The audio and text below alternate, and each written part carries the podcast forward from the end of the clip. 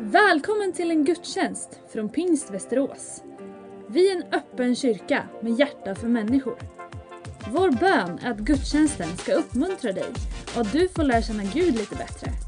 Varmt välkommen!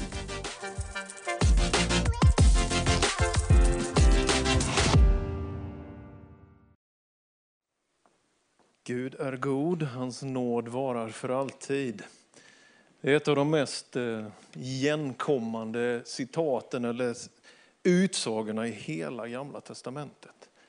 Gud är god, hans nåd varar för alltid. Smaka på de orden, de är underbara, de är fantastiska. Och eh, de är sanna, tack och lov. Han är god och hans nåd varar för alltid. Den kan inte ta slut. Och Guds godhet är inte något som åker jojo upp och ner med konjunkturer eller klimat eller hormoner eller något annat, utan han är den han är. Ändå så ska vi gå in och läsa till exempel idag, kanske kommande söndagar, lite texter där man kan ju möjligen börja fundera över det. Hur är det egentligen med detta? Vi ska titta in i någonting som har inspirerat människorättskämpar genom den moderna historien. Den här profeten Amos har betytt ganska mycket för många som har känt att de måste göra någonting emot orättvisor. Han är ju en av dem som kallas de tolv mindre profeterna. Mindre i det här sammanhanget är väl i betydelsen lite kortare text. De fyra stora ni vet, det är ju Jesaja, Jeremia, Hesekiel och Daniel. Och om de nu är stora eller små i, i, i något så handlar det här om omfånget av deras böcker primärt. Amos, vi vet av det som anges att det här är sådär 750 före Kristus, ganska så precis. Det kan väl glappa på något år eller något decennium, men det är där någonstans. Amos han kommer från en by som heter Tekoa, han, och det är söder om Betlehem. Så kanske en mil söder om Betlehem, två mil till Jerusalem. Så det är en del av den sydliga delen, det sydliga riket. Men han kommer när han profeterar gå lite norröver till Betel, det som var de nordliga rikenas eh, samlingspunkt kan man säga. står om honom att han verkar ha odlat, sysslat med mullbärsfikonsträd. Han verkar också då ha varit en herde. Han eh, vallade får och kanske till och med handlade med får. Han är i den här klassiska linjen av profeterna. Han har ett väldigt fint språk. Det är någon slags blandning av liksom, eh, ja, men det, det liksom är poesi och god hebreiska. Så vi möter här en, eh, en, hand, en, eh, en företagare, en entreprenör, en jordbrukare skulle man väl kunna säga då i, i, i något brett spektra. Men som har en penna. Och han har ett ärende och han talar väldigt mycket dom dom över Israel, dom över Juda. Och han är samtida med andra profeter som till exempel Jesaja. Eh, det finns någonting då i de här texterna som, som kommer att vara rätt så närgångna, men som jag tror döljer en hemlighet som kan vara till väldigt stor välsignelse och glädje också idag för oss. När människor har varit förslavade och inte alls kunnat bestämma över sin egen dag, när man har varit helt utsatt för förtryck, så har texterna i Amos, som det också står där, liksom, de har kommit som ett vatten som har brutit fram. Med ett sound av upprättelse för den lilla människan. Ett sound av befrielse för den som sitter förslavad. Så det är skarpa ord, men de är riktade till det strukturella våldet, till det som är maktfullkomlighet och ett osunt härskande. Det finns någonting med Amos bok som ger den utsatta människan hopp. Och det är någonting av det vi ska ta del av. Så låt oss stå upp tillsammans när vi läser åtta versar ifrån Amos och det är det tredje kapitlet vi dyker in i. Och det kommer väl vara tror jag, fyra sådana här söndagar när vi läser olika texter i det här häradet på det här temat. Vi läser i tro på Guds ord i Jesu namn. Hör detta ord som Herren har talat mot er, Israels barn, mot hela det släkte jag fört upp ur Egyptens land. Så har han sagt. Endast er har jag känt som mitt folk av alla jordens släkten. Därför ska jag också straffa er för alla era synder. Vandrar två tillsammans utan att de kommit överens? Ryter ett lejon i skogen utan att det funnit något rov? Morrar ett ungt lejon i kulan utan att det har tagit byte. Fastnar en fågel i fällan på marken utan att snaran är gillrad för den. Slår en fälla upp från marken utan att fånga något. Blåser man i basun i en stad utan att folket blir förskräckt. Händer det en olycka i en stad utan att Herren har vållat den. För Herren Gud gör ingenting utan att uppenbara sin hemlighet för sina tjänare profeterna. När lejonet ryter, vem skulle då inte bli rädd? När Herren Gud talar, vem skulle då inte profetera? Det är lite att ta i det här. Ni vet, vi lägger ut i bibelappen U-version varje vecka så våra smågrupper kan läsa dem. Och nu de här, den senaste bibelserien, eller gudstjänstserien och den här, eh, Eh, så har det kommit många kommentarer. Hur väljer ni texter egentligen? Så att vi får se hur vi tar oss igenom det här nu. Varsågod och sitt ner. Jag får väl ärligt säga att det har väl hänt att jag också har funderat på det. Hur har vi valt det här egentligen? Men vi gjorde ju det för ett halvår sedan och, och ibland så, så, kommer man på sen också att det var kanske inte det enklaste. Men det, det är väl lite segt att gå till en kyrka som aldrig tår i tågen. Man kan ju aldrig, klart man kan säga varenda söndag det är härligt att vara frälst, det är härligt att vara frälst kan man ju säga varenda söndag, för det är ju sant varenda söndag. Men det är klart att livets resonanspunkter är väl ibland på en liten annan färgskala jag tror vi gör klokt i att gräva i utan att förhoppningsvis bli för tungt. Att ändå förstå lite mer vad, vad, vad sker liksom inom en? Hur ska man reagera på kanske personliga motgångar, det man ser ut över världen? Så kan den här typen av texter hjälpa en till ett sunt förhållningssätt och förhoppningsvis en brinnande och bevarad tro och i någonting som leder till någon form av aktion också. Kolla på är många som gör, agerar är lite färre. Första versen säger så här, hör detta ord som Herren har talat. Det här är ju en linje av Guds uppenbarelse mot sitt folk som gäller också idag. När, när Herren ger till det judiska folket det de idag kallar för sin trosbekännelse eller shema, så är det just detta det handlar om. Hör Israel, Herren vår Gud, Herren är en. Det handlar alltså inte om att vara ett gudsfolk, att säga någonting i varenda fråga tala om för alla exakt på vilken fot man ska stå i varenda, utan det handlar mer om att höra och av att höra från Gud. Det är det som definierar gudsfolket, man hör ihop. Det är nästan lite, det, ja, jag är stolt över den, att jag fick tag i den. Man hör ihop. Hör Israel, Herren vår Gud, Herren, här säger om oss, hör detta ord. Det ger oss en samordning, det ger en balans, det ger någonting som hjälper oss. Vi lyssnar till samma källa, vi lyssnar till samma ursprung. Det som kännetecknar Guds folk är att de är just Guds folk. De kan höra i allt annat som larmar och blinkar. Och vi vet att vi lever verkligen i en tid med algoritmer och fake news och allt detta. Men för Guds folket så är den unika källan Herren själv. Han säger någonting. Han talar och han gör det genom sitt ord och han gör det genom sin ande. Hör Israel, hör Guds församling. Och när vi kommer till Bibelns sista bok så är det samma tema. Den som har öron hör vad anden säger i församlingen. Så idag är detta en gudstjänst för att rensa ur religiöst knäck ur lurarna.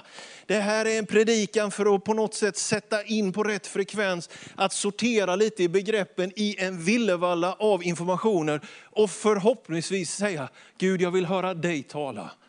Jag vill att du ska säga någonting till mig, men inte bara till mig. Jag förstår att du också talar till ditt folk. Du talar in i kroppen. Du sänder impulser för att hjälpa oss. Hör detta ord som Herren har talat. Och därför kan man väl direkt göra en första tillämpning. Vad hör du under en vecka? Ja, för min del, jag hör ju P1 gärna när jag sitter i bilen. Jag är inte så mycket för poddar, ibland musik, men inte hela tiden. Jag måste inte ha en ljudkuliss. Jag var ute och sprang en runda igår, fick jag det sagt också? Ja, visst var det bra. Men jag var ute och sprang och så bestämde jag mig för att jag ska inte ha några lurar den här gången. Eh, sen råkade jag snubbla på, på jag har ett rätt bra jack i knät här. Men det har ju inte med lurar, nu är vi på kausalitet och korrelation att göra.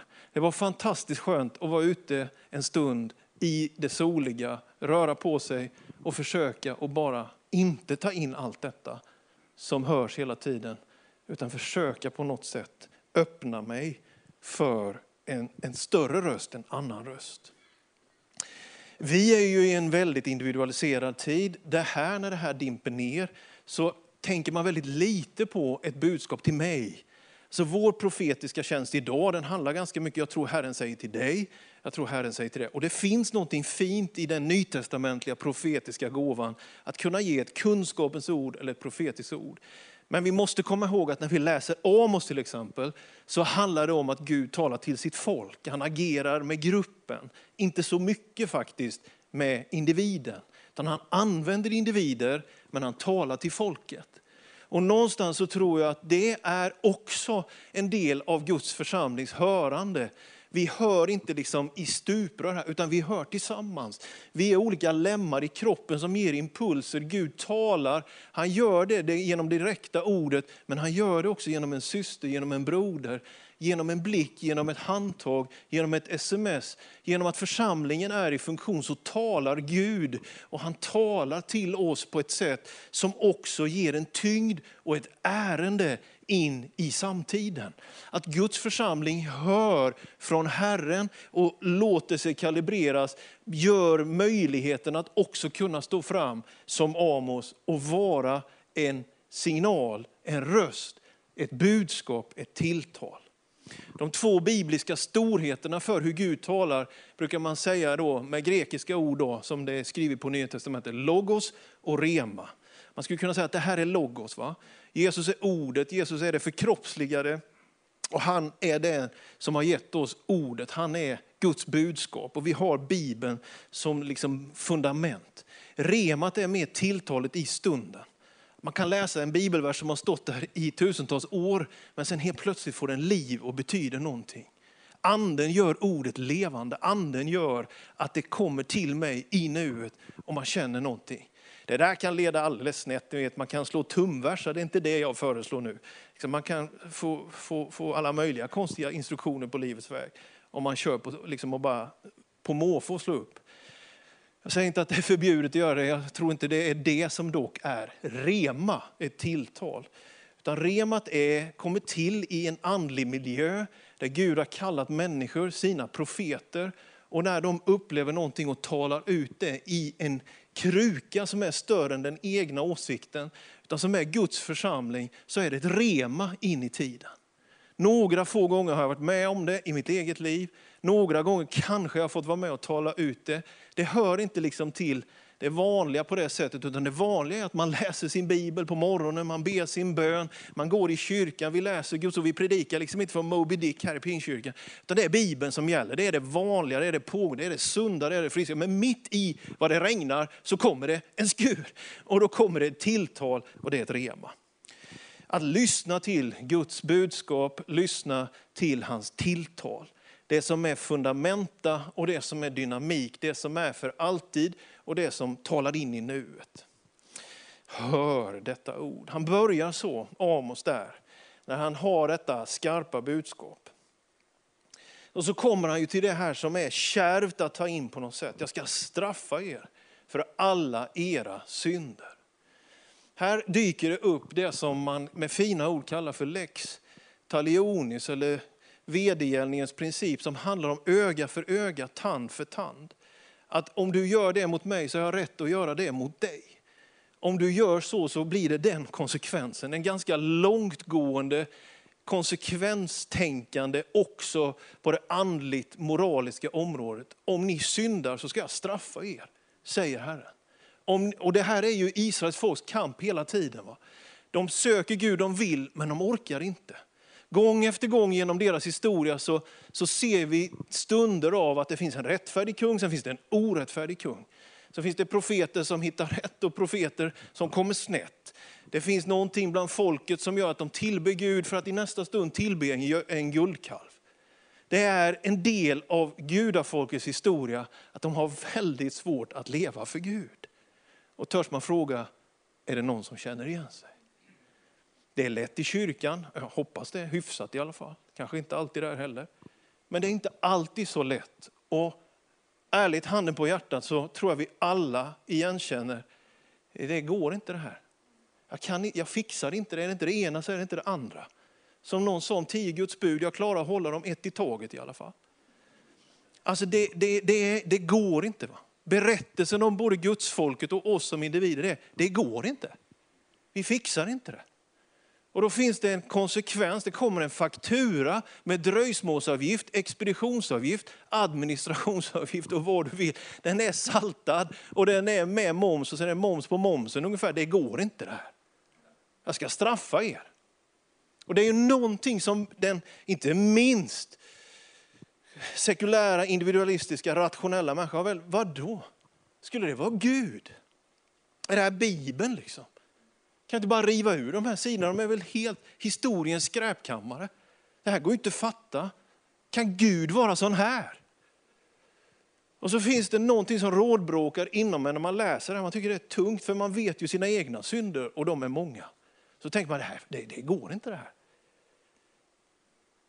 Orsak och verkan, sådd och skörd. Och så lägger du till en ytterligare komplicerande faktor nämligen vidskeplighet. Att vi ibland dras till att ja, om jag liksom kör för fort då kommer jag nog att få sämre betyg i skolan. Liksom. Du vet det här, man säger ibland korrelation och kausalitet, de där två begreppen. Va? Alltså att om solen skiner, det klassiska exempel brukar vara när man förklarar det, att när solen skiner så går både glassförsäljningen upp och försäljningen av solglasögon. Och det finns en korrelation liksom. Men det finns ingen kausalitet mellan glass och solglasögon. Alltså om man har Banana Split eller romrussin så säljer det fler solglasögon. Nej, det är ingen som tror, hoppas jag, på att säga. Skulle ju säkert, det kommer ju säkert komma något sms efter här nu när någon verkligen har att om man äter sånt då gillar man mer gula färger. Ja, jag vet inte, strunt samma. Jag påstår att när solen skiner så går det åt mer glass och det går åt mer solglasögon och, och djungelolja och den typen av brassestolar och baden-baden. Alltså det går åt. va. Men om man fäller baden-baden i ett visst läge så har det inte påverkan hur, om man gillar liksom lakritspuck eller Piggelin. Men i vår bild av Gud ibland märker jag ju att det är exakt så vi tänker.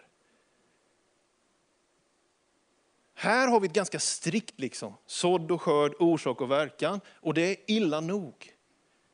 Vi klarar inte det. De klarar inte det.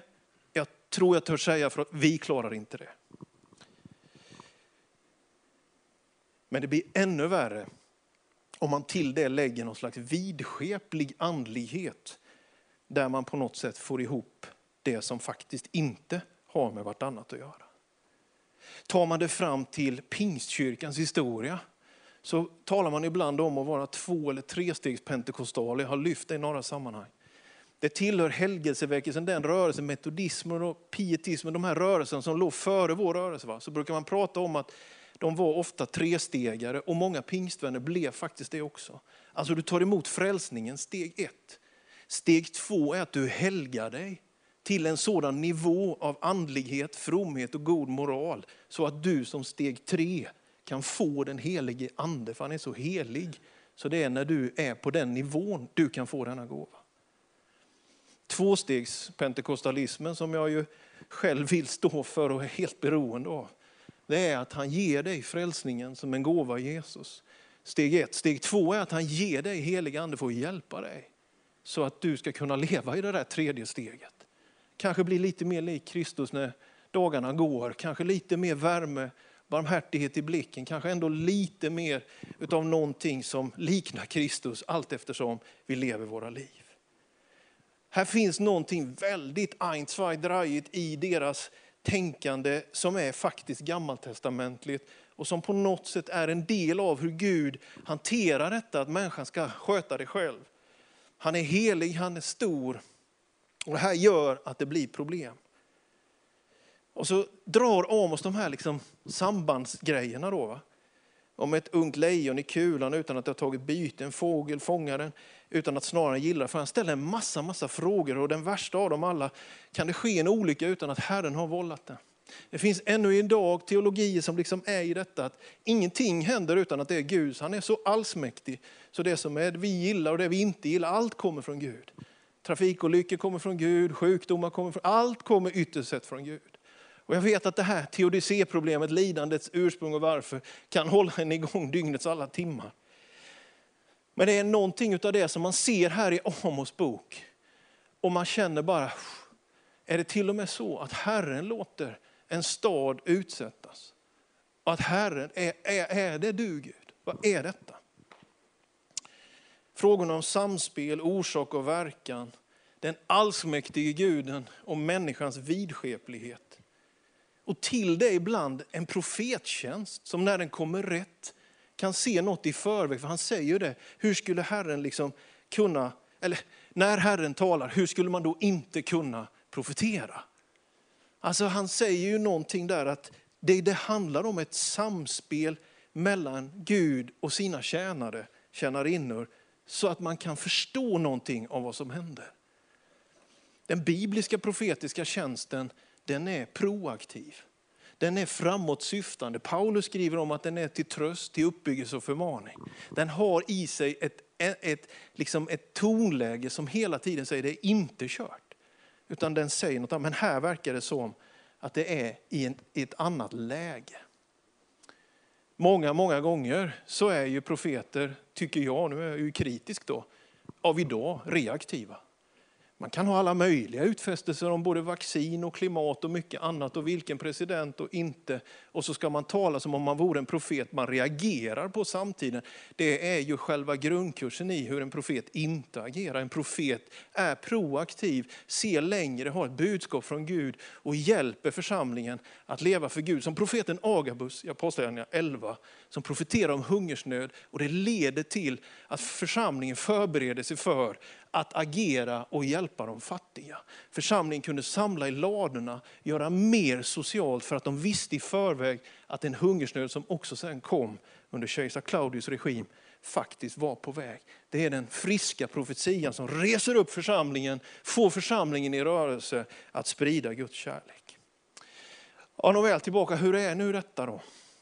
Hur är det idag?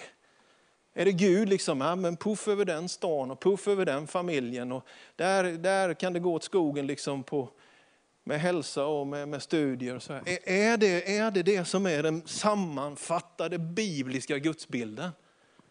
Att det, det är så det kommer att vara. Du kommer att ha liktornar resten av ditt liv. För Gud är liksom, han tycker det kan du ha. Hur är det egentligen? Och vad tror vi egentligen? Det är, ju det, det är ju det här som ger oss tvivel, det är ju det här som på något sätt gör att man, man undrar liksom, varför har inte jag mer pengar? Eller varför har inte jag den framgången? Eller varför har inte... Ja, vi kan ju göra listorna väldigt, väldigt långa. Är Gud en nyckfull Gud som man ska blidka liksom? Om man tillräckligt, då kanske man kunde få en välsignelse. Hebreerbrevets första kapitel säger så här, första versen där. I början av Hebreerbrevet står det. Många gånger på många sätt har Gud talat genom sina tjänare profeterna. Men vid denna den sista tiden har han talat genom sin son. Vad är det som händer med Jesus när han kommer på arenan? Den största profeten av dem alla. Vid ett tillfälle så diskuterar man om ett torn som har rasat ner. Och det är väl 18 stycken som dog på grund av det. Så blir det ett resonemang där. Var det för att de hade syndat? Som tornet ramlade över dem. Och Jesus säger nej. Men omvänd er alla. Typ, man vet inte hur många dagar man har. Jesus säger alltså nej till detta. Det finns en grupp judar som har blivit dödade av ockupanterna. Han säger samma sak, det står i samma liksom textavsnitt. Vid ett annat tillfälle så är det en blindfödd pojke eller man. Och de som är runt omkring frågar Jesus, är det hans egna synder? Eller är det hans föräldrars synder som har gjort att han är blind? Alltså de har det här öga för öga, orsak och verkan. Det måste ju finnas synder, annars är man inte blind Jesus. Det vet vi ju. Och Jesus säger, och detta är underbart evangelium, nej säger Jesus. Han är inte blind på grund av varken sina eller sina föräldrars synder. Detta är evangeliet, att Jesus bryter orsakskedjan med synden. Han flyttar om flödet så att det går dig förbi. Han befriar dig ifrån att bära det rättmätiga straffet. I hans ögon, när han ser på en blind människa, så ser han ju inte att det har med synden Han tar av alla människor sin syndabörda och ger människan befrielsen i det som är livet med honom. Paulus skriver i Romarbrevet 8, det finns ingen fördömelse. Livets andes lag har i Kristus gjort mig fri ifrån syndens och dödens lag. Alltså livets andes lag bryter tyngdlagens verkligheter och säger det här äpplet kommer inte trilla i backen längre, utan den här stackaren som faller ska till himmelen. Det finns någonting som bryts i Jesus Kristus som är ett annorlunda rikets paradigm. Det finns frälsning för en rövare på korset, för en officer som sticker svärdet i hans sida, en officer som ropar den mannen måste verkligen ha varit Guds son. Det annorlunda med Guds rike är att du inte får får betalt för dina synder, utan han har betalat för dina synder med sitt liv. Det är en hederskultur som bryts. Om du har varit utsatt för något så i Jesus behöver du inte hämnas. Det är ett annorlunda rike som skulle behöva få infiltrera många beslutsrum och många köksbord och många inre tankar, och även här. Att i Jesus finns ett annat sätt att se på tillvaron.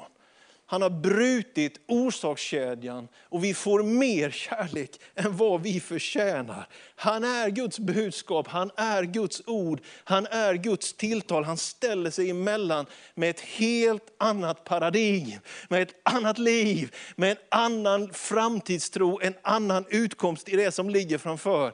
Han har inte de här orden, Amos profeterar utifrån det som är hans så säga, räckvidd. Men för Kristus så är det en helt annan arena och därför är det en glädje att få predika Kristus till dig idag. Att han befriar dig ifrån alla synder, han håller inte emot, han bryter orsaksbanden och han ger dig livets andes lag och befriar dig och mig ifrån syndens och dödens lag. Han talar, han talar och han profeterar och han ger oss ett nytt liv. Hör Israel, hör. Vad hör du idag? Hör du den anklagande tonen av alla dina fel och misslyckanden? För de finns ju där hos oss alla. Hör du budskapet om att allting kommer att gå åt skogarna på grund av allt som händer i vår värld? Eller så kan vi höra att det finns fortfarande några trastar som sjunger i träden. Det finns fortfarande barn som har förundran i blicken. Det finns fortfarande värme i ett handslag. Det finns en mjuk och omfamnande famn att komma till att det finns ett liv som är annorlunda och att han är garanten för detta. Jesus Kristus. Som frälser och upprättar och som gör det trots att vi är skyldiga. Som gör det trots all vår brist. Nej, det är inte hans synder som gjorde honom blind. Utan det kan ju vara, det, jag vet inte ens om det går att förklara. Kanske det är genetiskt, kanske det finns någonting biologiskt. Kanske det var någonting i uppväxten, vi har ingen aning om detta.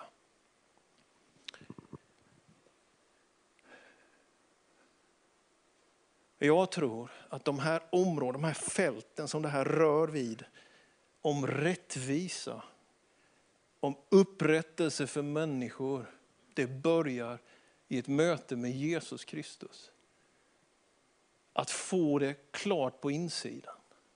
Jakob han skriver ju det. det. Det blir bråk er emellan för ni har så mycket på insidan som är ouppklarat.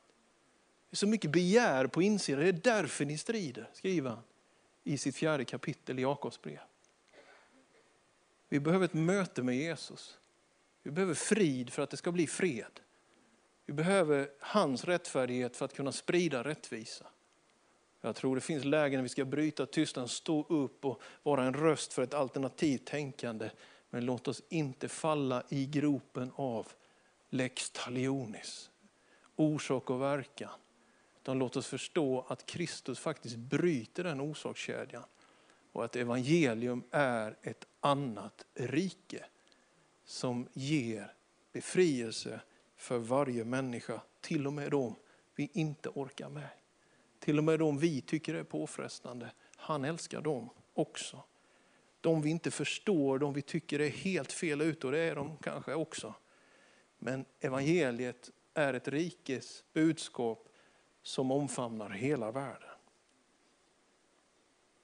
Gud agerar inte nyckfullt. Han håller sig till ett mönster. Han följer sin plan. Och när tiden var inne sände Gud sin son för att rädda världen. Vi kan läsa i Johannes 3 och 17. Inte sände Gud sin son för att döma världen, utan för att världen skulle bli frälst genom honom. Det här hatet vi ibland kan känna, längtan till revansch, längtan till hämnd, skriver Paulus om att nej, men min är hämnden, säger Herren, jag ska utkräva den. I mötet med Kristus så får vi en frid på insidan som ska hjälpa oss att på ett riktigt sätt förmedla fred och rättvisa. Amen. Du har lyssnat på en gudstjänst från Pingst Västerås.